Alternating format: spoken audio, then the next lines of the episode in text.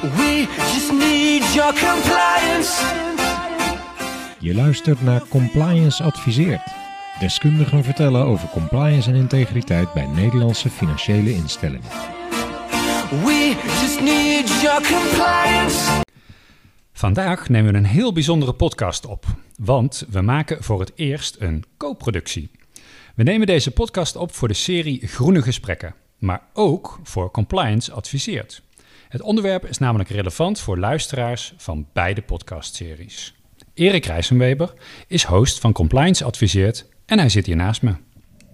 Heel leuk om dit samen te doen met je, Richard. Inderdaad hebben we deze keer een onderwerp te pakken dat zowel voor compliance professionals relevant is als voor milieuprofessionals. We gaan het namelijk hebben over ESG. En die afkorting staat voor Environment, Social and Governance. Maar wat dat precies inhoudt en hoe je ESG implementeert in je bedrijfsvoering bespreken we met Emma de Leeuw en Jan Achterhuis van Triodos Bank. Welkom Emma en Jan. Fijn dat jullie een bijdrage willen leveren aan deze podcast. Zeker. Ja, hallo. Nou Emma, kun jij iets vertellen over je achtergrond? Zeker. Ik eh, werk nu al drie jaar bij de Triodos Bank. Ik ben ooit begonnen binnen compliance en operational risk. Uh, hiervoor heb ik nog één jaar gewerkt bij een groot bank in Canada. Daar vond ik het onderwerp ESG al heel interessant, maar kwam er heel snel achter dat het binnen de marketingafdeling gevestigd was. Dat vond ik nou niet echt heel fijn, dus ik ben me verder gaan ontdekken. Kwam toen bij Triodos Bank terecht. En nu werk ik al één jaar binnen het SFTR-implementatie. Dat gaan jullie straks horen wat dat is. Okay. Uh, dus ik ben nu al één jaar bezig met het implementeren van de, van de duurzaamheidswetgeving binnen de Triodos Bank. Ja, Oké, okay. en een Canadese bank, hoor ik een Canadees accent? Ja, dat klopt. Dus uh, sommige termen die zijn uh, in het Engels ook ontwikkeld bij de EU. En dat zal ik ook dan misschien een beetje in het Engels uh, verder uitleggen. Geen probleem, geen probleem. Oké, okay. dankjewel Emma. Nou Jan, waar komt jouw affiniteit met duurzaamheid vandaan? Yes, ik heb een achtergrond in consulting. Heb ik een jaar of zes gewerkt bij een paar Big Four kantoren en dan vooral in finance. Maar de interesse voor duurzaamheid komt bij de studie vandaan. Ik heb een bachelor gedaan in Beta Gamma. En dat is in Amsterdam uh, een bachelor. En die focust zich op meerdere disciplines. Dus je kan complexe problemen als een milieuprobleem niet vanuit één invalshoek als finance oplossen. Maar je hebt echt meerdere dingen nodig. Of economie of hey, milieukunde en dat soort zaken. Mm-hmm. Toch het bedrijfsleven ingerold en finance. Maar dan wel met het idee van nou, ik kan dat systeem van binnenuit proberen te veranderen. En dan die financiële blik iets verzetten misschien naar wat meer uh, duurzaamheidsaspecten. Ja. En uh, daar zit bij Tridos op de goede plek, denk ik. Ja. Uh, ik werk daar nu een jaar of drie. Begonnen als business controller en een deel van het werk ook gedaan in impact gerelateerde zaken. Dus impact reporting. Ik kan straks wat meer uitleggen wat het inhoudt. Mhm. En zo ook compliance zaken als de EU taxonomy ingerold. Ja. Ging je studie ook al over environmental of was dat nog niet zo? Uh, ja, deels wel. Zeker bij Bettegam heb ik een paar van die interdisciplinaire vraagstukken gehad, als in biologische boeren bijvoorbeeld en uh, andere thema's. Maar ik heb ook een uh, minor gedaan in, of een major zou ik moeten zeggen, in planologie en milieugeografie. Oké. Okay. Een paar van die vakken gevolgd en daar is al de interesse ook verder gewekt. Ja, oké, mooi. Nou, de, jullie hebben al een klein beetje gezegd wat jullie rollen zijn, maar de, hoe is dat precies dan georganiseerd? Zijn jullie met z'n tweetjes ermee bezig of moet ik een team van twintig mensen voor me zien bij Triodos? Hoe werkt dat? Uh, ja, nou, ik ben uh, op zich formeel de project manager van uh, de implementatie van één van de wet en regelgevingen. Er zijn er natuurlijk een aantal, zullen jullie ook wel horen. Bij Triodos is het een beetje anders georganiseerd dan bij meeste banken. We hebben geen één duurzaamheidsafdeling. Dus het is echt geïntegreerd in de hele operatie van de bank. Dus eigenlijk zou je kunnen zeggen dat alle medewerkers van de Triodos uh, hiermee bezig zijn. Of het nou wet en regelgeving is of het onderwerp duurzaamheid, ja, dat verschilt natuurlijk per Ja. persoon. Ja. Met betrekking tot de wet en regelgeving, ja, er zijn je kan zeggen 20, maar het kan ook weer veel grotere publiek, want het is ver. Het uh, komt wel bij alle onderdelen van de bank en afdelingen van de bank uh, terecht. Oké, okay. ja. Ben je dan ook alle, alleen maar daarmee bezig of uh, heb je ook andere rollen? Nou, ik ben natuurlijk nog steeds een compliance officer. Dus uh, af en toe uh, verander ik wel mijn rol van hoe ik naar zo'n wet en regelgeving kijk. Dus echt, uh, wat heb je nodig om hier compliant mee te zijn en welke requirements moet je vervullen. Mm-hmm. Maar vooral is het wel echt kijken, ook de praktische blik. Hoe gaan we zo'n hele gedetailleerde wetstuk implementeren binnen de huidige operationele processen al? Ja, oké. Okay. En de, Jan, de, hoe verhouden jullie het tot elkaar? Goede ja, maatjes? zeker. We hebben elkaar wel gevonden in uh, alle STR en uh, taxonomie vraagstukken. Ik zit zelf meer bij de impact reporting kant binnen de bank. Sinds vorig jaar zijn we daar met z'n drieën voor. En dat is ook echt dat is georganiseerd binnen Group Finance. eh, met de gedachte van oké, we rapporteren op onze, hè, de winst die we maken bijvoorbeeld. Maar belangrijk vinden wij de impact die we maken. En zo zien wij misschien ESG ook een beetje. Dat we dus ook goed communiceren naar de buitenwereld toe. Wat nou de impact is die Triodos maakt als bank. En dan bedoel ik zeg maar, de maatschappelijke kant. Ja. Dus dat vinden we belangrijk. En hebben we ook dus wel mensen opgezet om daar ook echt eh, fulltime mee bezig te zijn. Ja. En dan bedenk ik me nu, want we zitten hier eh, samen, podcast Groene Gesprekken en Compliance adviseert. Het voelt als een enorme open deur om te vragen wat is compliance voor de, de luisteraars van Compliance adviseert. Maar ik moet het toch even doen voor Groene Gesprekken. Want ik kan me voorstellen dat zij eigenlijk helemaal niet weten wat compliance is. Wat, in drie zinnen? Compliance eh, is eigenlijk om eh, te kijken hoe je voldoet aan wet en regelgeving binnen een financiële instelling. Oké. Nou, dat is in één zin. Dat is perfect. Ja. En wat zijn nou groene gesprekken dan voor de compliance professionals? Heel goed, heel goed dat je dat vraagt. Eh, Groene Gesprekken is de podcast van de Vereniging van Milieuprofessionals. En milieuprofessionals is dan een heel brede zin. Eh, dus het is een, een, een, een netwerk, een, eh, een- vereniging waarin allerlei onderwerpen op het gebied van luchtkwaliteit, stikstof, maar ook geur, hinder, zeg maar, in de- zo'n, dat netwerk, dit kennisnetwerk wordt besproken eigenlijk. Ja, dus het gaat echt om kennis en niet een, een politieke of visie of zo erop. Nee, het is allerminst politiek. De, de, er zijn wel politiek gemotiveerde mensen, eh, eh, maar het is vooral een bedrijfsnetwerk. Laten we nog wel even gaan kijken van, goh, hoe is Triodos nou precies georganiseerd? Eh, ja, Triodos is eh, een Europese bank met vestigingen in Nederland, België, Spanje, Duitsland en de Verenigd Koninkrijk, de UK. We bieden spaar- en betaalrekeningen aan, hypotheken, zakelijke kredieten. Eh, maar ook via Triodos Investment Management hebben we ook eh, beleggingsfondsen, dus impact investment fondsen. En ook nog sinds recent de Triodos Regenerative Money Center. En dat is waar cataclysmic investments en donaties, transformatieve investeringen worden gefinancierd. die niet- hier een vraag over? Of, Nee, het is, eh, ja, we zijn een bank eigenlijk die alle verschillende onderdelen al- als retail, als beleggingen, als hypotheken, als zakelijke kredieten over een aantal landen in Europa. Maar het belangrijkste onderdeel misschien voor de luisteraars is dat eh, de missie van Triodos is om geld te laten werken voor positieve verandering op gebied van sociaal, milieu en cultureel. Dus dat maakt ons een beetje anders dan de, de andere banken. We gaan echt met een eh, impact, positieve impact eerst om, te, om daar het geld eh, stromen naartoe te laten gaan. Hoe staan jullie daar in, in verhouding, zeg maar, qua, qua grootte? Hoe zit dat in elkaar? Ja, je hebt natuurlijk eh, een aantal hele grote banken in, in Nederland. Hè? ING, Rabo en, en, en, eh, ABN. en ABN. Mhm. Ja, wij zijn qua schaal wel gewoon een heel stuk kleiner dan die banken. Ja. Eh, dat, dus dat, ja, we spelen daar niet per se in mee, zou je, zou je kunnen zeggen. Maar je ziet wel dat die bank ook al steeds meer beweging maken richting duurzaamheid. Ja. En dat is natuurlijk ook vooral de rol die we willen pakken, is ook de hele financiële wereld erin veranderen. En die banken ook meer duurzaam producten laten Ja. financieren. Nou, daar zullen we zo denk ik ook nog wel op komen, omdat eh, we spreken met jullie, maar dit is niet iets wat alleen voor jullie geldt. Het geldt voor elke bank in Nederland, in Europa. Dus, het, eh, dus dat is interessant. Dankjewel. Ja, en we hadden jullie natuurlijk niet echt alleen uitgenodigd om Triodos te komen introduceren, maar ook om wat, wat jullie nu vertellen over Triodos. Hoe relevant is het om te weten hoe de organisatie precies functioneert, om het daar vervolgens ESG en taxonomie eh, in te kunnen richten? Ja, het belangrijkste verschil met andere banken, denk ik, en wat goed is om te weten, is inderdaad, hè, we hebben geen centrale duurzaamheidsafdeling. Dat zie je bij andere organisaties steeds belangrijker worden. En daar is bij ons ook wat ver- verandering in. Maar bij ons is het principe wel dat elk, elke werknemer of elke medewerker inderdaad dat in zijn hart heeft zitten. Dus dat is wel een heel belangrijk verschil eh, Ja.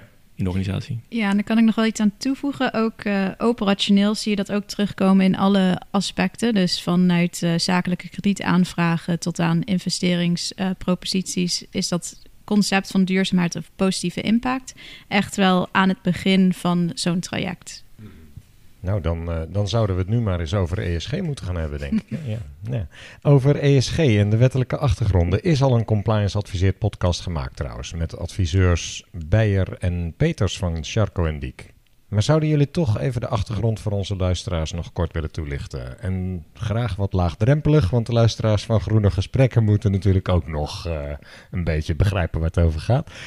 Eh, wat moeten we precies verstaan onder ESG? Ja, dus ESG is eigenlijk een brede term voor het in kaart brengen van environmental, social en governance, dus milieu, sociaal en bestuursfactoren in financiële beslissingen. Dus als je terug gaat relateren aan financiële beslissingen, het is om te zorgen dat de mogelijke negatieve effecten juist wel mee worden genomen in die negatieve berekening. Het is nu nog echt een containerbegrip. Het is niet altijd duidelijk wat het allemaal betekent. Dat vinden wij zelf ook nog toen we gingen nadenken over deze podcast. Wat is ESG nou? Ja, dat is nog niet altijd even duidelijk. Uh, hiervoor heette het Corporate Social Responsibility, Sustainability, ESG, Impact is het ook genoemd. Ja, het is ook niet echt de term van een wet zelf. Hè? Het is Nee. meer een overkoepelende term voor welke kant we op willen we als eh, Precies, Europa. ja. Zeg maar. Het wordt wel aangegeven in de, in de wetgeving, maar het gaat echt meer om de niet-financiële factoren van een financiële beslissing. Als je zegt beslissing, heb je het dan over de diensten en producten die je biedt? Of ik dacht dat het namelijk ook heel veel op rapportage gericht was. o- Om investeerders te laten zien wat je aan het doen bent als bank. Ja, en dat, dat is denk ik een verschil tussen echt duurzame banken en misschien wat minder duurzame banken. En dit is weer weer terug te leiden aan dat hele marketingafdeling. Eh, voor sommige financiële instellingen gaat het echt over de rapporteren van ESG-factoren. Maar voor andere instellingen gaat het ook op het managen van deze factoren. Om het echt mee te nemen in je beslissing. eh, en niet er alleen maar op te rapporteren. Maar mag ik dan de conclusie trekken dat jij voor Triodos misschien wel de belangrijkste rol hebt? Want je zegt, de bank wil duurzaam zijn en jij managt dat.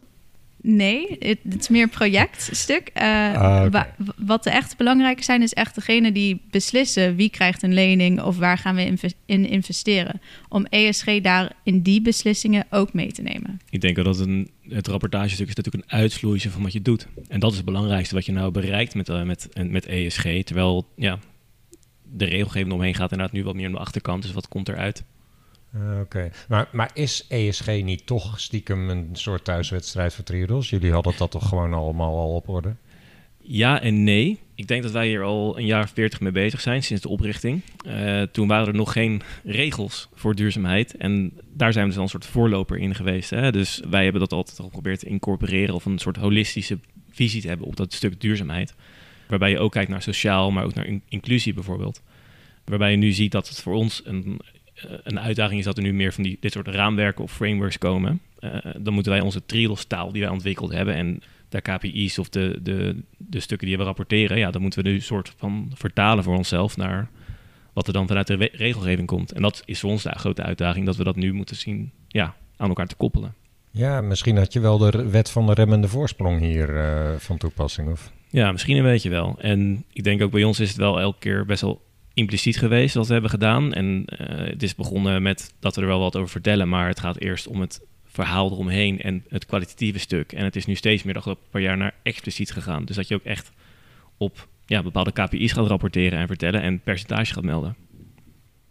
Hoe verhoudt ESG zich eigenlijk tot de SDG's, de Sustainable Development Goals van de Verenigde Naties?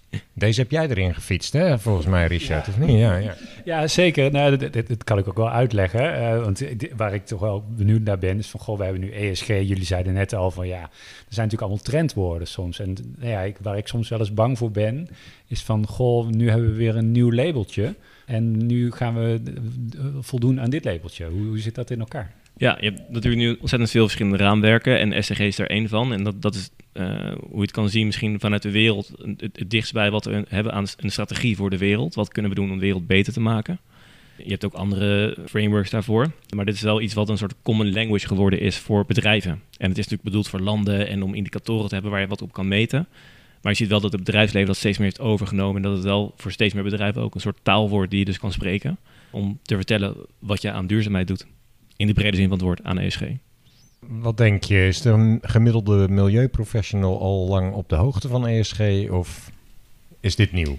Nee, ik denk dat de gemiddelde milieuprofessioneel wel echt eh, op de hoogte hier is van. Maar zoals ik al eerder zei, het is moeilijk om het op een gestandardiseerde manier te omschrijven. Dus de interpretatie daarvan verschilt waarschijnlijk wel erg eh, veel. Ja, want hebben jullie ook gevolgd hoe die eh, regelgeving, waar we het straks nog uitgebreider over gaan hebben, tot stand is gekomen? Heeft dat veel discussie losgemaakt over wat Ja, dit is een vraag die we niet hadden voorbereid. Dus jullie kijken elkaar nu aan van wie neemt deze? Ja, nou, het is natuurlijk al tien jaar, tien jaar in de making. Dus ze zijn, de EU is hier al tien jaar mee bezig. Ehm, dus de eerste stap is natuurlijk om hier akkoord mee te krijgen dat we hiermee aan de slag gaan. En het is echt wel in ontwikkeling. Dat zie je ook met de taxonomie en de Sustainable Finance Disclosure Regulation, of SFDR. Die zijn ook wel over de afgelopen jaar ook uitgesteld door de EU. Dus er is echt wel heel veel uh, gesprek hierover geweest. Ik denk dat Jan nog wat meer kan toelichten over de taxonomie, want die is wel echt uh, Ja. politiek. ge- Ja, we, we hebben ook wel zelf heel flink gelobbyd Ja. ervoor ook dat die wetgeving er komt. Dus ook zelf gepusht als Triodos eh, in Brussel van... hey, kom nou met wetgeving eh, over eh, ESG of duurzaamheid... om te zorgen dat de hele wereld daarheen beweegt. Dus Waarom wilde Triodos dat? Want het ging toch al langzamerhand die kant op? Ja, eh, maar wat je nu bijvoorbeeld ziet binnen de taxonomie zijn er ook ontwikkelingen, maar wat duurzaam is. En daar zie je nu een soort discussie dat kernenergie, nuclear, ook als duurzaam wordt gezien. Daar staan we niet achter, natuurlijk. Nee. Dus deze wetgeving bepaalt wat wel en wat niet duurzaam is. Ja, klopt, zo zou je kunnen zien. Daar gaan we het straks nog verder Ja. over hebben. Maar eh, heeft het ook als onderliggende gedachte dat je ermee greenwashing, waar je toch vaak over hoort, dat bedrijven zich duurzamer voordoen dan dat ze werkelijk zijn, eh, helpt het ook om dat tegen te gaan? In principe wel. En dat is ook een van de redenen dat we, dit, eh, dat, dat we hier dus voor gelobbyd hebben. Precies wat je zegt, greenwashing. Er zijn nu al een aantal banken al op de vingers getikt. Of niet per se banken, maar echt organisaties van... hey, pas op met wat je nou labelt als duurzaam. Toen nog eventjes terug naar die, die ESG en SDG, eh, ja, SDG's. ESG's, de, daar, daar heb je dus geen, geen score voor of zo, toch? Het is gewoon een, eh, het is een beleidsvorm, zeg maar. En je kan niet zeggen van, goh, ik ben eh, 30% eh, goed bezig. Eh, dat kom- komt er wel met eh, deze wetgeving. Maar elk bedrijf kon in principe zeggen dat ze aan de ESG deden. En daar, daar is dus ook hè, laatst een bank op de vingers getikt. Die gingen producten verkopen als zijnde ESG. Ja. Hartstikke mooi, maar die deden er niks mee. Die gaven gewoon een mooi label. Ja. Ja, dat eh, slaat nergens op natuurlijk. De SFDR, de, de Sustainable Finance Disclosure Regulation, ligt aan de basis van de ESG's. Zeg ik dat goed zo? Of Sustainable Finance Disclosure Regulation, dat is de wetgeving voor de beleggingsproducten, voor de rapportages of de disclosures voor de beleggingsproducten. Wat aan de basis van dit ligt is de Sustainable Finance Action Plan. Dus dat zijn verschillende wetgevingen voor verschillende sectoren. Binnen de Triodos Bank hebben we op dit moment voornamelijk te maken met het Sustainable Finance Disclosure Regulation, de SFDR, voor de beleggingsproductenrapportages, de Taxonomie Regulation, dat is de economische activiteiten, welke zijn groen en duurzaam en welke niet. En daar komt dan uit een percentage. En de Corporate Sustainability Reporting Directive. En dat is dan voor Triodos specifiek ook een rapportageverplichting. Ja, nee, ik denk als je heel breed kijkt, ESG is voor iedereen relevant. Ook in de wereld waar we nu zitten. En daarbinnen heb je Sustainable Finance. En dat is meer een beweging ook waar de EU dus op stuurt om geld te krijgen naar waar je kan helpen om die transitie te maken naar een meer duurzame samenleving. ESG. Ik, ik, heb het idee dat op dit moment voornamelijk de E behandeld is van de ES en de G. Waar, blijven die twee anderen? Ja, dat is de vraag, denk ik, in het eh, grote containerbegrip. En ook als je, hè, als je aan iemand, iemand vraagt wat ESG is, krijg je ieder een ander antwoord. En zeker gezien de klimaatcrisis waar we in zitten, heeft E ook wel dit moment voorrang gehad. Ja, wat je nu wel ziet, en dat zie je ook in de energietransitie nu gebeuren, het, het social stuk, het inclusieve van de transformatie, daar ga je dus ook problemen mee krijgen. Hoezo? Krijg je daar problemen mee? De meeste mensen die bijvoorbeeld zonnepanelen hebben, zijn denk ik wel de welgestelde blanke mensen die aardig wat budget hebben. Ja, Eh, en die hebben ook de energievoordelen van een salderingsregeling, et cetera. Degenen die in elektrische auto's rijden, zijn ook degenen die het laag, minste kosten hebben, maar ook het meeste geld om zo'n auto te kopen. ja dat is niet eh, helemaal compliant met de S van ESG Social. Ja. Wat is nou eigenlijk precies dan het doel van de SFDR? Het gaat om disclosure. Dus het gaat om rapporteren over je duurzaamheidsdoelstellingen. En wat ik dan wel even kan eh, uitleggen is... er zijn soort drie soorten productcategorieën binnen Sustainable Finance Disclosure Regulation. Je hebt je eerste, dat is een grijs eh, product, artikel 6. Dat is eigenlijk de laagste waar je niet zoveel doet, eigenlijk niks doet met duurzaamheid. Dus dan heb je ook geen rapportageverplichtingen. Je hebt dan je lichtgroen, dat is een artikel 8 product. Dat is promotion of, van ecologische of sociale kenmerken. Dat is dan ook weer bepaalde templates moet je dan invullen en we moeten op bepaalde dingen rapporteren. hoe promoot je je ecologisch of je sociale kenmerken in je beleggingsproduct. En dan heb je de, de laatste, de donkergroene producten, eh, artikel 9. En dat zijn echt duurzame beleggingen met een doel. En daarvoor moet je dan ook indicatoren bedenken hoe je die doel gaat bereiken en hoe je dat gaat meten. En wat het standaardiseren stuk van het SFDR is, is dat er, ja, er zijn gestandaardiseerde templates. Dus de EU heeft een aantal templates opgesteld. En als je een artikel 8, dus een lichtgroen of een artikel 9 of een donkergroen product wil zijn, dan moet je ook met die templates rapporteren op bepaalde informatie. En dat is dan het doel om die producten te kunnen vergelijken voor de beleggingsklanten. Ik begin te begrijpen waarom het vaak bij marketingafdelingen wordt belegd, maar dat even terzijde. Ja, ja het, is, het hoort iets van de hele organisatie te zijn, dit. Dat is de bedoeling. Ja. En, en waarom is er gekozen om grijze producten helemaal niets aan te doen?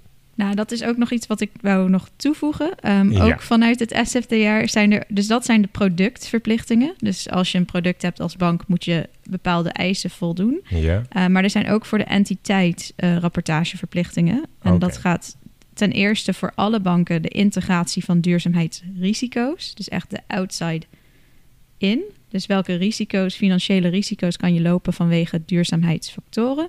Daar moeten alle banken over rapporteren. Dat is niet gestandardiseerd, dus dat is nog een vraagstuk van deze wet en regelgeving. En de tweede is de transparantie over de negatieve effecten van je beleggingen. Dus je hebt een positieve zonnepaneel die heel groen is en heel goed is voor het klimaat, maar die mogelijk is gemaakt met, eh, met kinderarbeid. Ja, daar moet je dan ook verplicht over rapporteren, want dan is dat op zich niet duurzaam. Dus dat is weer dat, dat S, de social Oké. eh ingaan. Dat, eh, m- daar moeten bijna alle banken over rapporteren. Als je als bank niet over je negatieve effecten rapporteert, dan moet je ook heel duidelijk gaan uitleggen waarom niet eh, en wanneer. Dus dat is dan ja, dat grote, dat bredere scope van die regelgeving om ook dat grijze producten en grijze banken ook mee te nemen. Zodat het ook wat meer transparant is voor de belegger waar ze in eh, beleggen. Want je hebt het nu over banken en bankproducten. Maar betekent dat ook dat nu elke eh, ehm, eh, nou, eh, autobouwer of eh, eh, elke ehm, eh, speelgoedfabrikant daar ook mee bezig is? Eh, misschien wat minder met, en dat Emma net verteld over SFTR. Dat is vaak echt wel voor beleggingen en, en investeerders, et cetera. Maar je hebt dus ook de eh, NFRD, de Non-Financial eh, Reporting Directive. afkorting. Nog een afkorting, het is echt een bingo. Daar is een aantal jaar mee begonnen. En dat betekent eigenlijk dat elk bedrijf wat een bepaalde grootte heeft, eh, met ook al omzet of werknemers, die moeten dus verplicht wat vertellen over eh, het niet-financiële. Dus inderdaad, ook een speelgoedfabrikant die groot genoeg is, moet wat vertellen over eh, wat ze nou doen naast geld verdienen. Ja. Maar die SFDR is specifiek op financiële instellingen van toepassing. Ja, op verschillende soorten beleggingsproducten. Ehm, dus niet alleen maar voor banken, maar ondernemingen zoals vermogensbeheerders tot financiële adviseurs. Er zit een uitgebreide lijst in eh, artikel 2 lid, lid 1 van de SFDR. We kunnen het nazoeken nu, ja. Ja, precies. dus daar kan je echt wel die volledige lijst, maar het is wel echt op, de, op het beleggingsproducten. En die lichtgroene en donkergroene producten waarover je eerder sprak, daar is de wet ook duidelijk over wat daaronder valt en wat niet? Nee, dus dat is misschien wel goed om te weten. Ik denk dat was ook in de, de eerdere ehm, podcast was dat ook al eh, vermeld. Een organisatie kiest zelf of ze een lichtgroen of een donkergroen product willen hebben. En dan moeten ze voldoen aan die eisen. Dus in de toekomst zal een toezichthouder gaan kijken... nou, jullie hebben gezegd dat jullie een donkergroen product hebben. Voldoen jullie daaraan? Maar het is een soort self-assessment. En de gedachte erachter is dus eigenlijk dat als jij roept dat je ontzettend groen bent, dan moet je ook helemaal met de billen bloot en dan kan iedereen checken of dat eh, klopt, ja of nee, wat je beweert. Dat Precies. Is, en dus is het een zelfreinigend eh, iets. Wat zijn de consequenties mocht je er niet aan voldoen? Dat weten we nog niet. Eh, we zijn nu wel vol in de implementatiefase. Hebben de toezichthouders DNB, de Nederlandse Bank en de AFM, de Autoriteit Financiële Markten, daar ook een rol in? Jazeker. Banken zijn zeker in overleg met eh, de toezichthouders wanneer die openstaan om te overleggen om ook gewoon duidelijkheid te geven aan deze wet en regelgeving. Het is een van de eerste van dit soort wet en regelgeving. Dus het is veel nog onduidelijk onder marktpartijen wat nou precies wordt bedoeld. Dus dat is tijdens de implementatie om echt in gesprek te gaan. Wat verwacht de toezichthouder straks om te voorkomen dat je per ongeluk gaat greenwashen. En na de implementatie ja, ga ik vanuit dat er wel echt op de naleving wordt gemonitord. En ook hopelijk om te leren en ook te verbeteren van de wetgeving. Oké. Ik heb het gevoel dat we een beetje een soort van fruitmand aan het eh, opeten zijn, waarin we allerlei dingen aan het afpellen zijn. Dat vind ik best complex, maar wel, nou ja, wel, wel goed. Uiteindelijk maken we er een hele mooie smoothie van, volgens mij. Ja. Dus het, eh, nou, nou hebben we het eerder ook al even gehad over het eh, taxonomie, en, of taxonomie, of eh, taxonomie, leg, leg maar welke, welke taal we erin gebruiken. Bij taxonomie denk ik aan bomen en planten. eh, maar jullie als, als bank, bankmedewerkers eh, eh, hebben daar andere ideeën bij waarschijnlijk. Hoe- Ja, klopt. De taxonomie is ook nog een stukje extra regelgeving. Dus je, hè, voor het hele beeld, je hebt dus inderdaad SFTR, NFRD en ook nog de EU taxonomy. In het Engels gezegd, maar ja, we kunnen de taxonomie zeggen. En Mhm. dat is eh, eigenlijk precies zoals een normale taxonomie ook is. Hè. Ik, ik- je denkt gelijk aan Linnaeus en de, de Ja. indeling van dieren. En dat is, dit Precies. is eigenlijk ja, ook een soort klassificatiesysteem. Waarbij je dus aangeeft binnen, je, binnen een bedrijf of organisatie wat dan duurzaam is en wat niet. En dat wordt dan op economische activiteiten gedaan, maar dat is echt om puur om aan te geven, nou, dit is wel duurzaam en dit is niet, zodat je niet meer inderdaad aan greenwashing kan doen, dat voor iedereen ook duidelijk is, hey, dit is groen en dit is niet groen. Op welk detailniveau gaat dat? Is dat echt eh, elk product wat je kan kopen of zo, waar dat in, in een lijst staat? Of hoe, hoe werkt dat? Eh, je werkt vaak met percentages, dus je zegt zoveel procent van mijn omzet is eh, groen. Dat, Mhm. eh, of bij een bank zoveel procent van onze leningen zijn groen. Eh, en dat gaat echt wel, ja, de echte precieze invoer, dit wordt gefaseerd ingevoerd, dat je op detailniveau zegt wat allemaal eh, dan echt in lijn is met die taxonomie, dat kan heel ver gaan. Mhm. tot en met sectorspecifieke criteria, zullen we maar zeggen, dat je voor duurzame energie heb je een soort van grens van 100 gram CO2 per kilowattuur. Ja. En een soort running gag binnen het projectteam is geweest dat je ook bepaalde type verf hebt op waterprojecten, gebouwen. Zo Ja. ver kan het gaan. Ja, ik Ja. durf niet te zeggen hoe gedetailleerd allemaal nog is, want het is in, in, in ontwikkeling allemaal, maar het kan eh, redelijk ver gaan. Oké. Hoe kijken jullie er eigenlijk persoonlijk tegenaan? Van, goh, klopt dit, deze taxonomie? Ja, ik denk, denk dat wij er wel heel erg diep in zitten. Zo diep dat wij er wel heel veel van weten en het, en het goed snappen. Maar wat eh, ook een beetje denk ik de- onze positie wel kan zijn, is voor buitenstaanders is het toch best wel moeilijk te begrijpen. Ja. Denk ik. Het, is, het, wordt, het wordt redelijk complex. Maar ik hoef het niet per se te kunnen begrijpen om te weten of het... Ik laat het dan aan een expert over om te beoordelen of het zinvol is. Is het zinvol? Ja, dat denk ik wel. Eh, het is nog wel dus implementatiefase en je ziet nog wel wat groeipijnen daarin bij alle partijen die dit hè, moeten doen voor het eerst. Vorig jaar was voor het eerst dat bedrijven het echt moest, op moesten rapporteren. En als je een lange termijn neemt, dus ik zou zeggen 20 jaar, dan gaat het echt wel helpen om geld te krijgen naar waar geld heen moet, eh, in onze ogen, eh, naar duurzame ontwikkeling. En Dus kun, kun je daar eens een voorbeeld van noemen? Van, van een bedrijf, zonder een bedrijf zelf te noemen, maar een klant van jullie van, goh, hoe gaat dat in, in zijn werk? bij ons hebben hè, wij hebben eigenlijk al als een soort van eisen of criteria vooraf wie we financieren. Dus bij Ja. ons zal je eh, hopelijk ook verwachten dat eh, we goed scoren op de taxonomie. Is Ja. nu nog niet zo. Kan ik zo even vertellen nog waarom. Maar een van de voorbeelden zijn voor ons bijvoorbeeld windmolens of zonnepanelen, dus, dus duurzame energie. Dat is voor ons een hele belangrijke en die zijn ook al allemaal al naar verwachting in lijn met die taxonomie. Die gaan aan die regels voldoen. Ja. Het is niet zo dat je met slechte scores op die taxonomie geen financiering meer krijgt of zo. Of dat je dat allemaal moet uitsluiten. Maar de verwachting is wel in de toekomst dat eh, je makkelijker gefinancierd wordt als bedrijf. Dus dat je beter lening kan krijgen of dat bedrijven in jou willen investeren. Als jij goed scoort Ja. op die taxonomie. Ja. Dus als je inderdaad een windmolen gaat bouwen, dan krijg je waarschijnlijk sneller geld dan als je straks een kolen.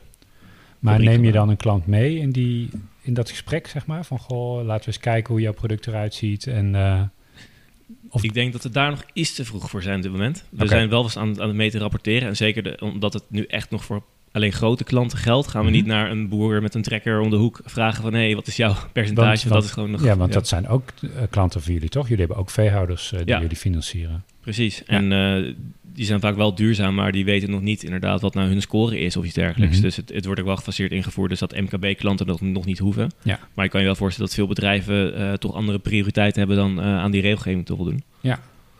Ja, want het, nou, ja, dat, het gaat denk ik te diep om eh, nu om daarop in te gaan. Maar wa- wa- waar ik zelf wel mijn vragen bij heb, is ja, van goh, ja, hoe, hoe verhoudt zich dat dan tot elkaar? Hè? Van je zegt inderdaad, een veehouder is duurzaam. Maar ja, er staan waarschijnlijk wel koeien in de wei die methaan uitstoten. En Ja.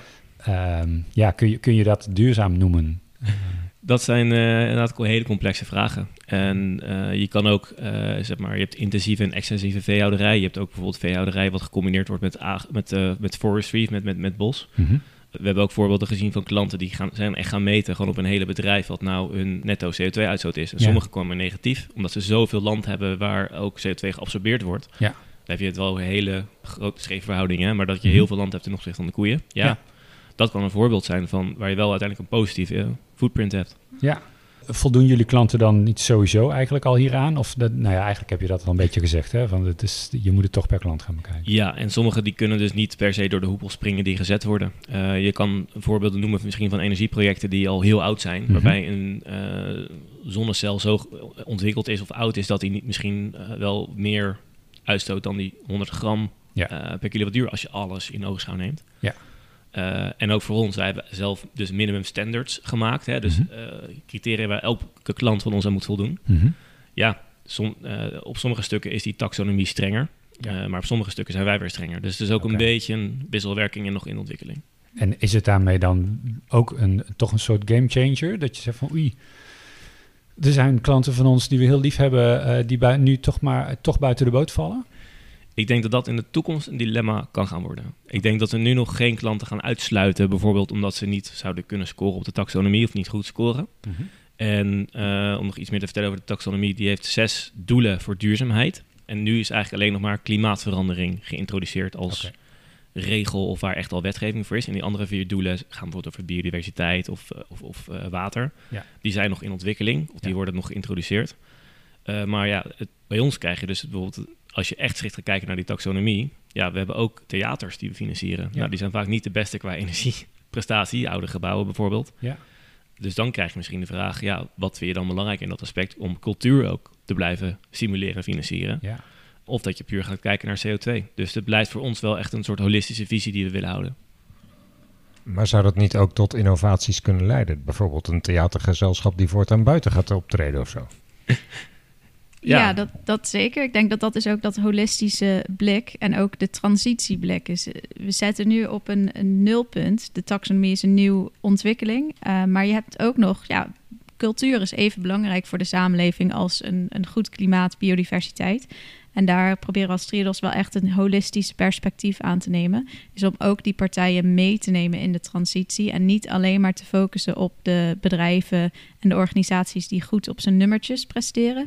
Maar om echt die transitie, dus echt ook verder kijken dan, dan de cijfertjes. En dat is dan, wij noemen dat dan hitting the target but missing the point. Als je dan alleen maar op een bepaald aantal indicatoren gaat eh, sturen, maar om een grotere visie te krijgen. En ook in gesprek te gaan met je klant, waar zij tegenaan lopen. Zij zitten in het markt Ja. om die transitie te, verder te ontwikkelen.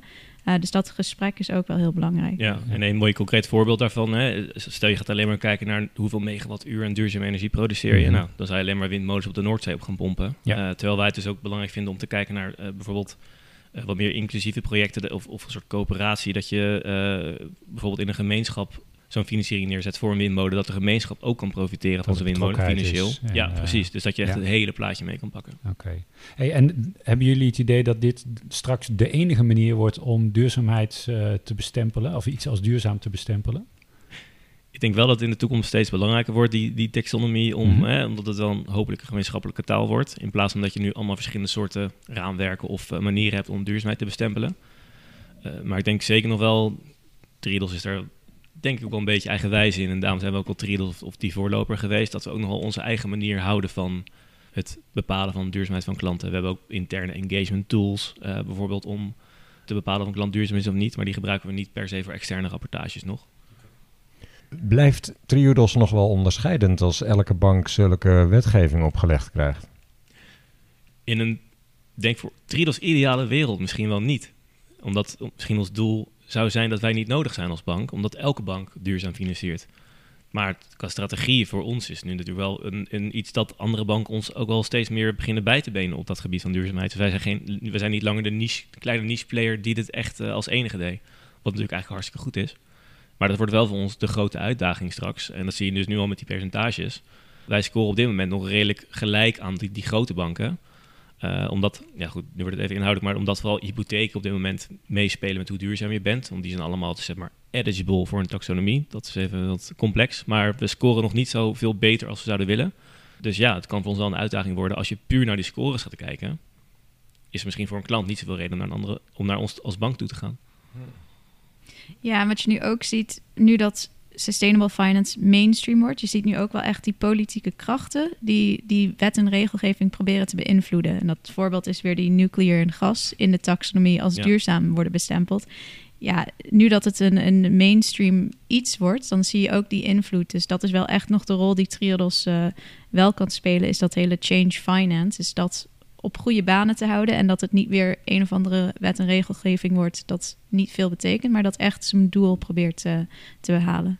Ik moet ook even aan de boerenprotesten denken. Ik kan me voorstellen dat de discussie over uh, is veehouderij zoals we dat op dit moment doen, of, of ja, het boerenleven wel of niet duurzaam en ze, die, die discussies over CO2-uitstoot. Zegt de taxonomie daar ook iets over? Vooral agro inderdaad is nu een gevoelig punt binnen die taxonomie. Het is nu voor een aantal sectoren ingevoerd. En, en inderdaad, het, stukje agro is het nu al uitgesteld of niet compleet erin. Juist vanwege dit soort discussies. En dat is eigenlijk net zoals met nucleair. Dat was al een heet hangijzer. Uh, ik denk wel dat Triedels er wel een standpunt in heeft. Uh, hè, en vooral de kringloop en dat het, het, niet per se in balans is met hoe we nu over het algemeen naar intensieve veehouderij kijken. maar ja, er is ook een voedselprobleem natuurlijk. Maar ik denk over het algemeen, bijvoorbeeld bij het voorbeeld van nucleair, ja, als je dus al een andere bank vooral alleen maar nucleair zou financieren, wat dus als duurzaam bestempeld zou kunnen worden in de toekomst. Er zijn nu al discussies over, ja, dan scoren wij minder goed, omdat een andere bank veel meer inzet op kernenergie. Ja, ja en, en de rechtstreekse consequentie is dat je je dan niet meer zozeer als een heel duurzame bank mag in de markt mag zetten, begrijp ik. Nee, met het voorbeeld van die andere bank, die dus stel dat die heel erg hoog zit als een percentage, dan uh, zou die dus veel beter scoren. Terwijl de vraag is of kernenergie dan inderdaad duurzaam is. Wat mij betreft hebben we nu wel ongeveer behandeld hoe die wet en regelgeving in elkaar zitten. Of hebben jullie daar nog een toevoeging bij? Nou, het enige denk ik nog wat goed is om te zien uh, bij de wet en regelgeving, hè, en dat is ook wel een beetje het Triedel-standpunt, is dat je nu ziet dat er heel veel wet en, en regelgeving komt voor die duurzame bedrijven. En dat het dus steeds moeilijker wordt voor duurzame bedrijven om te voldoen aan al die hoepels waar je doorheen moet springen. Terwijl aan de andere kant, een niet duurzaam bedrijf, die heeft het eigenlijk vrij makkelijk in, je hoopt straks dat die geen minder financiering krijgt, dat het moeilijker wordt, dus meer moeten gaan betalen, et cetera. Maar eigenlijk zou je moeten zeggen, draai het even om. En misschien moet een niet duurzaam bedrijf juist helemaal gaan rapporteren op wat ze allemaal uh, aan negatieve impact hebben. Ja. Dan krijg je echt die verschuiving die we willen zien. Dus is geen enkele consequentie eigenlijk nog steeds aan niet duurzaam zijn, toch? Nee. Nee. Nee, dat klopt. Je legt echt wel de beslissing bij de, bij de klant, bij de consument. Um, en dat is wel ook nog een uitdaging. Is ja, begrijpt de gemiddelde consument al dit soort informatie en hoe moet hij daar een, een, een, echte keuze over maken? Nou, heb je daar een advies in? Ja, nee, nog niet. Dat is echt een van de uitdagingen van deze wet en regelgeving. Is hoe, hoe moet je dit begrijpen? Ja, de uh, tijd gaat het zeggen, denk ik. Hè? Het is nu echt nog heel vroeg om te zien wat de effecten zijn van die regelgeving. Maar wat merk je er als consument van? Of wat is de bedoeling dat je ervan gaat merken? Nou, als ik dit soort informatie en uitleg breng naar de business, dus echt de mensen die met uh, aan de commerciële kant, dan moet je het wel heel gesimplifieerd uh, uitleggen. En echt de tijd ervoor nemen om dit te laten begrijpen, in te zinken. En wat betekent dit nou?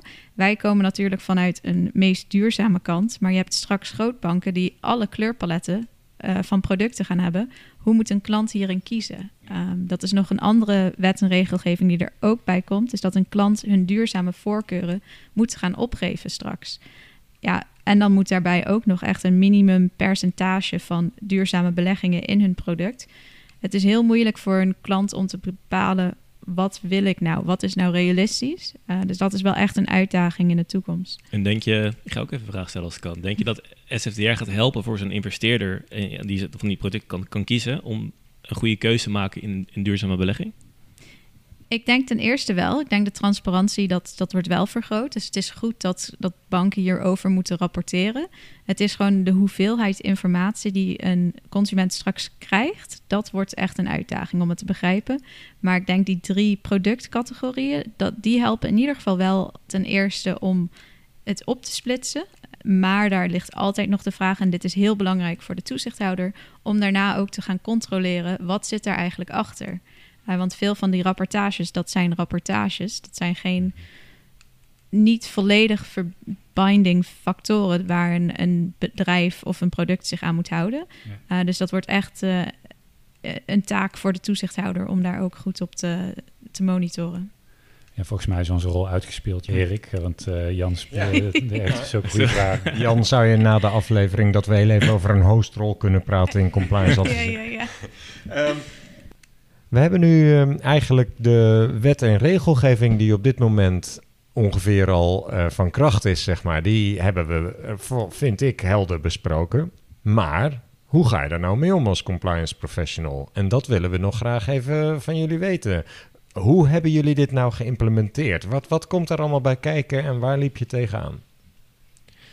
Uh, nou, ik kan even beginnen, maar bij ons is het wel belangrijk geweest dat het echt door de hele bank of organisatie gedragen is en wordt. Dus het is niet alleen maar vanuit uh, een compliance groepje die dit probeert uh, door de hele organisatie te forceren, maar dat het echt een soort van samenwerking is geweest tussen heel veel verschillende afdelingen. En vooral op hoofdkantoor, maar uh, dat zie je nu nog wel, dat gaat gedragen worden hopelijk door de hele bank. Maar dat het echt een team is geweest van meerdere disciplines. dus legal is ook aan het begin vooral het voortouw geweest, maar ook verschillende compliance collega's tot met IT en, en finance dus ook. Dus het is echt wel een samenwerking die je nodig hebt. Ja. En, en oké, okay, dat is interessant om te weten welke partijen erbij betrokken waren. Maar hoe was de aanpak? Wat, ik neem aan, je begint met een analyse van wat zijn eigenlijk precies de vereisten. Nou, ja, een gap-analyse, denk ik. Zeker als, als bank die zich al profileert als duurzaam, is dit wel voor ons uh, niet plotseling gekomen. Maar wel dat we op een gegeven moment ergens wel bedachten: oh, wacht even, dit wordt toch wel groter en groter ook voor ons als bank zelf. Dat we dachten: oh, wacht even, we moeten hier best wel wat werk voor gaan verzetten om zelf ook uh, goed te gaan rapporteren.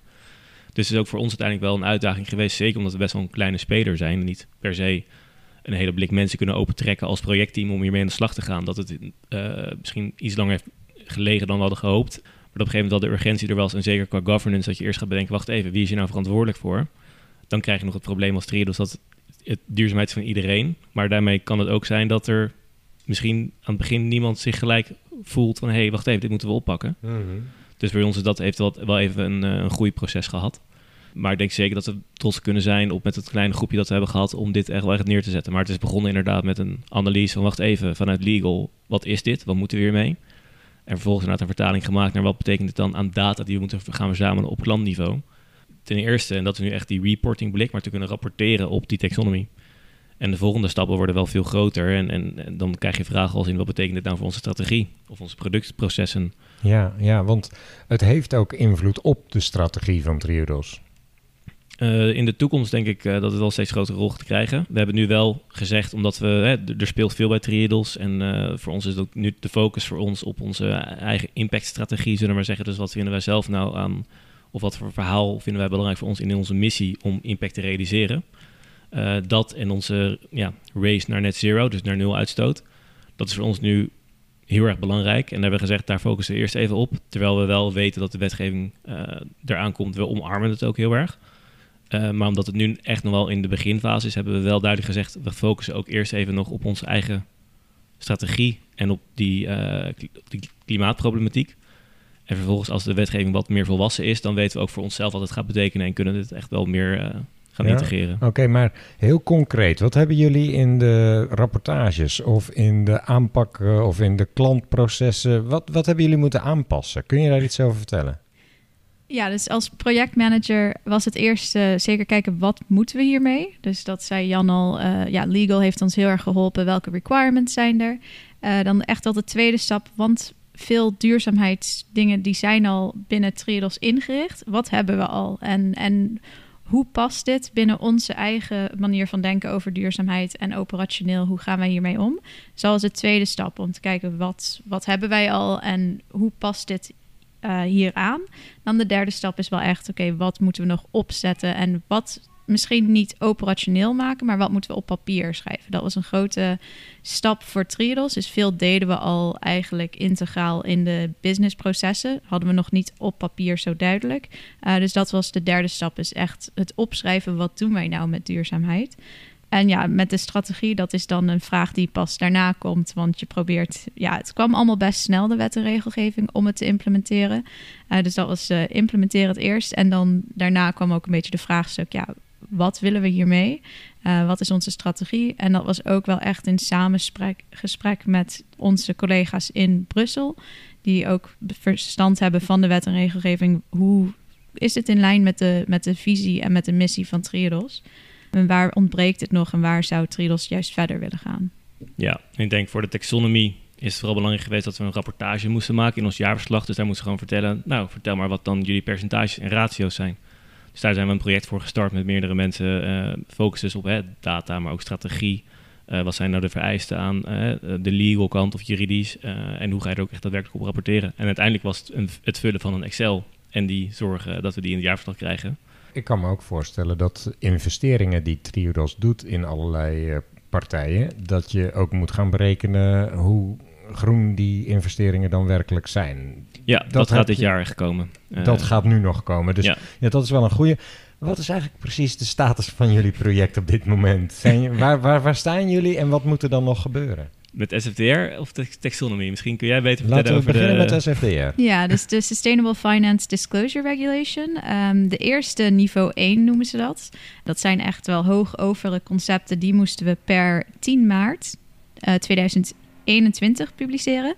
Binnen SFDR is er zelf echt uitstel geweest met uh, tot met één jaar. Uh, dus één jaar uitstel geweest vanuit de EU, want er was nog veel niet duidelijk. Dat is de niveau 2 van hoe ga je dit echt inrichten? Wat zijn nou echt de templates? Wat moet je nou precies opschrijven?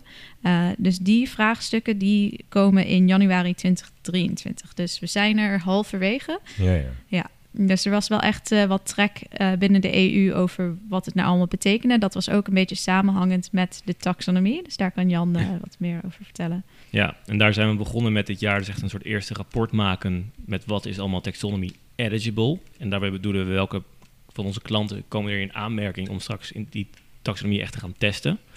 En we krijgen hopelijk al van volgend jaar ook cijfers binnen van onze klanten over hoe erg in lijn die zijn met die taxonomie. Dus dat je ook echt percentage krijgt met alignment, heet dat. Okay. Vanaf 1 januari 2023 kan je verwachten van je, het heet een pre-contractual, dus voordat je klant wordt of als je al klant bent, dan krijg je dat alsnog uh, toegestuurd. Wat is nou ja, voor de artikel 9 producten, de donkergroene producten, wat is de duurzaamheidsdoelstelling van dit product? En welke uh, indicatoren gaan we gebruiken om dat te meten? En dan is er later dat jaar een periodieke rapportage. Dus je krijgt je financiële periodieke rapportages. Daarbij aangekoppeld komt ook een duurzaamheidsperiodieke rapportage. Dat dan laat zien wat hebben we bereikt op onze duur, duurzame doelstelling. Wat is de rol van compliance hierin precies? Ja, dat was wel een uitdaging. Uh, dus we zijn halverwege, ook met uitstelsel. Uh, toen wou onze compliance afdeling een mooie monitor gaan uitvoeren hierop. Nou, het is nog niet geïmplementeerd, dus dat is wel een beetje een, een uitdaging. Wat ik aan compliance officers zou zeggen is, wees wel bewust van wat er, wat er gaande is, wat er speelt met deze wet en regelgeving. Vooral in het kader van de MIFID-regelgeving. Dus de, de, de duty of care en de, de Customer Investor Protection wet en regelgeving, dat dat goed aansluit daaraan. Dat zou mijn eerste tip zijn, is echt uh, gewoon wees bewust wat voor veranderingen dit gaat betekenen voor de beleggingsproducten. Um, dus vooral de suitability assessment uh, en de product governance. Dat zijn twee van de grote. Um, en er zijn ook nog amendments aan de MIFID-regelgeving voor ESG. Dus dat is ook wel goed om te weten als compliance officer. Oké. Daar kunnen we nu niet al te nee, uitgebreid nee. want MIFID is weer heel omvangrijk. Ja. ja. We hebben nu de SFDR even besproken, wat, uh, wat een klant daarvan zal gaan merken. Uh, wat geldt voor taxonomie dan? Ik denk voor de zakelijke klanten, dus die een lening hebben afgesloten met Triodos, die zullen dus in de toekomst meer data en informatie moeten gaan sturen over hoe duurzaam ze zijn op dit gebied. En dat wordt voor uh, hun ook wel een moeilijke opgave, denk ik. En voor de, de retail klanten, dus als jij gaat, uh, hè, je hebt een spaarrekening met Triodos, dan kun je dus een keuze maken van, hey, of hopelijk op een gegeven moment zien, hoe duurzaam is Triodos dan vergeleken met die andere banken. En daar is het nu nog wel echt veel te vroeg voor. Uh, maar dat wordt hopelijk in de toekomst wel iets waarmee je jezelf kan profileren als bank. En ook voor onszelf, uh, of uiteindelijk als investeerders, dat wordt ook heel belangrijk met die taxonomie. Obligaties of leningen afsluiten of zelf financiering regelen. Een groene financiering is ook heel populair tegenwoordig. En daar gaat die taxonomie ook voor helpen om te labelen of echt laten zien of bewijzen dat ook het geld wat jij dan krijgt van allerlei partijen, dat het ook goed besteed wordt. Als ik het goed begrijp, zijn die. Kijk, je hebt 50 tinten grijs, maar je hebt maar twee tinten groen, hoor ik net. Dat is dus wel een soort optelsommetje van het aantal producten wat je hebt, wat je allemaal moet labelen op lichtgroen, donkergroen. Het is niet zo dat één partij als Triodos donkergroen krijgt, alleen maar of zo. Er zit veel meer nuance complexiteit in dus. achter. Ja, dat ja, wordt, ja. is ook wel denk ik de uitdaging van die taxonomie. En omdat we nu nog echt nog in die beginfase zitten van die hele regelgeving. Eh, het is nu nog vrij complex en allerlei doelen die je hebt. En dan is de vraag van, als je aan het ene bijdraagt, wat gebeurt er met het andere? Dus het is nog niet makkelijk te zeggen. En dat is denk ik het, of de uitdaging van ESG. Ja, kan je dat samenvatten in een percentage? Kun je daar echt een cijfertje aan koppelen, ja of nee? Jullie hebben nog een paar jaar te gaan, eh, begrijp ik juist. Ehm, we willen het gaan hebben over de toekomst. Vind je niet, Richard? Ja, Welke ontwikkelingen voorzien jullie nu nog in de wereld van ESG en transparantie rondom duurzaamheid? En zijn er dan bepaalde ontwikkelingen waar jullie nu al op anticiperen? Ja, er komt nog een mooi stukje wetgeving aan. Om het Ja. nog even wat eh, groter en ingewikkelder te maken. En dat is dat die eh, Reporting Directive NFRD, die wordt binnenkort vervangen door CSRD. Ah, Eh, Emma nog een afkorting. Nog een afkorting. dat staat Noem het nog een keer, je zei CSRD. CSRD. Dat, dat staat voor de Corporate Sustainability Reporting Directive. En dat is eigenlijk een NFRD plus. Dus eh, de scope wordt vergroot. Dus er zijn veel meer bedrijven, ook wat kleinere, die dan moeten vertellen over duurzaamheid en wat Ja. ze ermee doen. Ja. Waar het eerst nog vrij, vrij blijvend was over wat je nou moest vertellen over niet financieel, wordt het nu, veel meer ingekaderd. Dus je moet echt wat meer duidelijk op bepaalde KPI's gaan vertellen. hey, Mhm. hoe score ik hierop? Het klinkt wel ook spannend, omdat je vast ook wel kleinere klanten hebt die zeggen van, ach, nog een formulier. Ja, en dat wordt zeker de uitdaging. Maar ik denk ook wel een goede mogelijkheid juist. Ik denk dat we nu economisch gezien wel in een mooie wereld eh, verkeren... waarin er misschien wel ruimte is om juist hier meer op te gaan sturen... in plaats van dat je alleen maar gaat kijken naar eh, aandeelhouderswaarde. Ja, Dat je ook gaat kijken naar waarde in de bredere zin. dus het- dan ga je de klanten daarin meenemen om... eh, Ja, en dat zullen ze zelf ook al moeten doen waarschijnlijk. Die klanten van Triodos, die moeten aan Triodos rapporteren. Dus Triodos krijgt zelf een soort rol in het zorgen dat deze klanten eh, voldoen aan die wetgeving. Zie ik dat juist? Ja, dat is zeker een uitdaging. Is, dat heet dan de due diligence van de cijfers die je dan ontvangt. Ja, wat voor een rol, tot hoe ver moet een financiële instelling dit gaan verifiëren? Ja, dan stel je Ja. een goede vraag. Wat als Ja. een klant nou zegt, nou, dit, dit stuur ik niet op, later. Nou ja, we, we hebben het bij de WWFT gezien dat we de financiële instelling poortwachter maken. En dat zou voor deze wetgeving dus ook kunnen gaan gebeuren. Maar het gaat niet alleen om wat dat bedrijf zelf doet aan duurzaamheid, maar ook wat dat bedrijf aan duurzaamheid doet in relatie tot de bank waar, die, eh, waar de investeringen vandaan komen. Het is eigenlijk tweeledig als ik het goed begrijp. Als een klant niet bij jullie een investering heeft ontvangen, maar gewoon een rekeninghouder is, zou het kunnen dat je als, als bank dan ook zo'n bedrijf moet gaan CDD'en op, eh, ne- leven jullie deze wetgeving wel netjes na? Nee, ik denk dat het nu nog vooral nog wel gaat om als je echt een lening afsluit. Eh, dus als je gewoon een lopende rekening hebt, dan zullen we ja, op WWFT en zo na, maar dan zal er nog niet heel veel aan duurzaamheidsvragen komen, denk ik. Nee, nee, ja, nee, en ja. dat brengt het ook weer terug. Het hoofddoel van deze wet en regelgeving is om meer kapitaal richting duurzame economische activiteiten te leiden. Dus dat moet je altijd weer even, ongeacht alle complexiteit en transparante rapportages, dat is het uiteindelijke doel, is om het geld meer naar, econ- naar eh, duurzame activiteiten te leiden. Goed zo, Ja. de big picture in, eh Precies, ja. goed houden.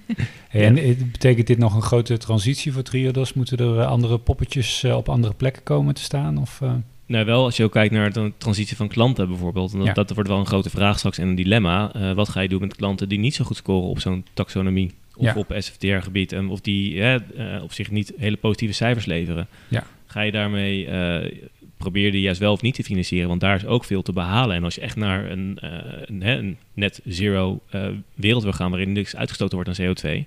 dan moet je ook degene mee kunnen nemen die wat minder scoren op dit moment.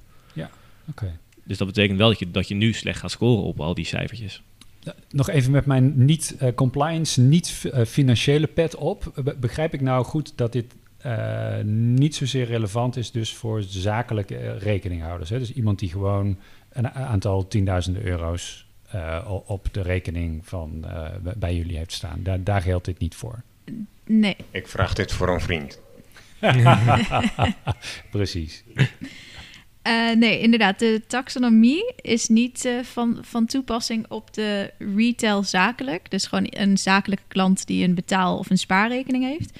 Eh, met Triodos gaan we dan wel een stapje verder. We hebben natuurlijk onze minimum standards. Dus dat zijn minimum criteria ehm, die ervoor zorgen dat we niet klanten aannemen die ja, slechte dingen doen of die, die Mhm. negatieve duurzame dingen doen. Ehm, en die worden wel toegepast op, eh, ook op zakelijke rekeninghouders. Oké. Maar ik word nooit getoetst als eh, rekeninghouder. Of in ieder geval, dat is niet mijn ervaring. Dus dat is, dat is een aan de voorkant check volgens mij. Hè, van goh, er, er zit wel een formulier of zo. Precies. Maar daarna niet meer. Nee, en dat is dan weer een voorbeeld hoe duurzaamheid echt helemaal geïntegreerd is binnen de operatie van Triodos. Want dat begint gelijk al bij je, bij je rekeningaanvraag. Naar mijn smaak hebben we een hele mooie podcast tot nu toe al. Dank jullie wel voor zover. Maar compliance adviseert zou compliance adviseert niet zijn. Als ik natuurlijk ook nog jullie vraag naar jullie advies vanuit compliance aan compliance professionals. Brand los. Ik eh, ben zelf natuurlijk geen complete compliance professional, maar ik zou wel met, eh, met mijn bril op zeggen, eh, gewoon starten en just do it. Ik denk dat dit voor veel mensen, het kan als redelijk veel klinken en vrij heftig overkomen wat allemaal moet gebeuren. Eh, maar bij ons is het ook gewoon het, in het begin geweest en gewoon eerst stappen zetten. Ik denk dat dat het belangrijkste is, eh, ook zeker op het gebied van ESG. Ja, je moet ergens komen en wees niet bang om eh, erin te springen. Ik heb wat hoop nu. Ja. En voor mij wel als compliance officer zou ik echt zeggen... ehm, verzand je niet in alle details. Laat de legal afdeling daarmee eh, naar kijken. Laat zij allemaal naar die eh, echt specifieke requirements kijken. Kijk meer als een compliance officer naar het uiteindelijke doel van deze regelgeving. En kijk dan verder naar alle technische verplichtingen. Maar kijk ook hoe dit ingericht is binnen het hele organisatie. Ook binnen de gedrag, cultuur. Uh, ik denk dat dat wel een mooie toevoeging kan zijn bij compliance. Dus je hebt hele specifieke requirements, dat is ook zo. Maar kijk ook even wat verder. En hou die, hou die doel van het wet en regelgeving weer in je achterhoofd... wanneer je een monitor uitvoert bijvoorbeeld. Dankjewel, ja, ja. Jan, wil jij nog wat vragen misschien? Of? Nee? Ik, eh, ik heb heel veel vragen, maar ik denk ook dat het eh, goed is om focus te houden. We slu- sluiten hem af. Ik wil jullie hartelijk bedanken voor jullie eh, fantastische bijdrage. En heel veel succes ook voor de laatste twee jaar, komende twee jaar bedoel ik. Ja. Ja, namens Groene Gesprekken ook hartstikke bedankt. En bedankt ook eh, luisteraar van Groene Gesprekken. Ik hoop dat jullie eh, wat wijzer zijn geworden in de wereld van eh, compliance en taxonomy en allerlei afkortingen die ik nu bijna al vergeten ben. Maar dat, daar is een podcast voor, daar kun je terug luisteren. Tot de volgende Groene Gesprekken. Ja hoor, bedankt. Heel leuk om hier het over te hebben. En om het ook wat simpeler uit te leggen... dan eh, de complexe dagelijkse activiteiten waar we meestal mee bezig zijn. Ja, ik hoop dat het ook een beetje helder was. Eh, het kan soms wel zijn als je er echt zo middenin zit om het hè, goed en begrijpelijk eh, over te laten komen. Maar eh, ja, mooi om ook zo'n podcast te zien waarin ook dat compliance samenkomt met een stukje ESG of met milieu. Luisteraars, ik zou ook vooral de kans dan benutten om via LinkedIn bijvoorbeeld even te reageren op deze podcast. Dat zou leuk zijn. Hey, tot Zeker. ziens. Tot de volgende. We just need your compliance. Je luistert naar Compliance Adviseert. Deskundigen vertellen over compliance en integriteit bij Nederlandse financiële instellingen. We just need your compliance.